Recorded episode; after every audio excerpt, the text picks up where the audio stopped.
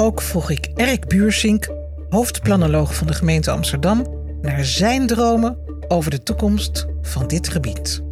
In mijn ideale wereld is er eigenlijk geen doorgaand verkeer meer uh, over de, uh, de Weesperstraat op dat moment. Um, is hij misschien nog wel in dagdelen te gebruiken, voor nood- en hulpdiensten natuurlijk, in geval van calamiteiten. Dus het blijft wel een straat die gewoon doorloopt. Maar in een normale situatie rijden er geen auto's meer uh, vanaf het um, Weesperplein naar het Waterloopplein.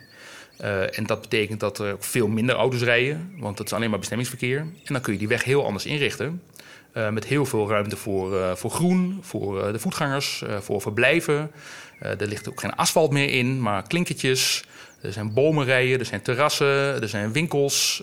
het is misschien dat de gebouwen nog even lelijk zijn, dat is mijn persoonlijke smaak als nu.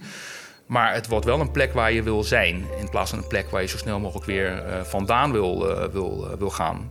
Als het aan mij, ligt hè, in die ideale wereld, dan is dat, dat, dat verhaal over die Weesperstraat als prettige openbare ruimte, die zet zich voort door dat hele stuk van de binnenstad. Hè. Dus ook de Valkenburgerstraat, ook de Eitunnelmond, de Prins Hendrikade, het Meester Visserplein, Waterloopplein.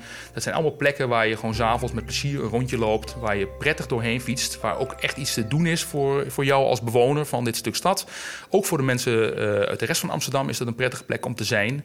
Maar ik vind het, het moet wel blijven wat het is. Het is geen. Um, het is niet te vergelijken met de omgeving van het Leidseplein of zo. Hè. Het blijft altijd een rustig, wat meer in de beslotenheid liggend stukje van de Amsterdamse binnenstad.